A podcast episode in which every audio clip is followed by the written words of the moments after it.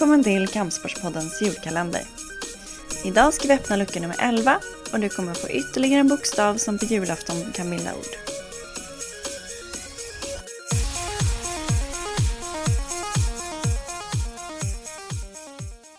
Hon är svensk kickboxnings allra största stjärna genom tiderna.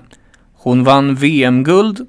Hon vann också, som första svensk någonsin, titeln, mästarbältet, i Vaco Pro.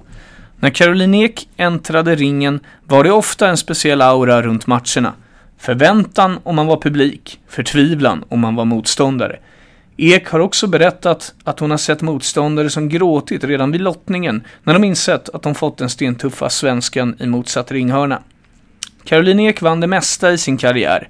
Men känd hos svenska folket blev hon först efter att hon deltagit i Mästarnas Mästare i SVT och slutat tvåa i en minnesvärd och hård final mot Peter Forsberg.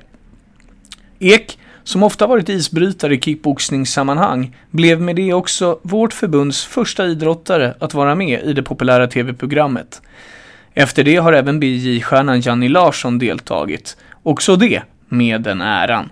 Ek har också alltid värnat om vårt förbund och velat hjälpa till när helst hon har kunnat. Hon har under sin aktiva karriär skrivit en populär blogg på budokampsport.se.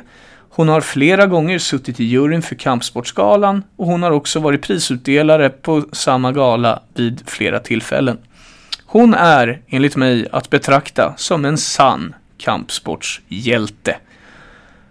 Till lucka 11 söker vi begynnelsebokstaven i det landskap där Caroline Ek kommer ifrån.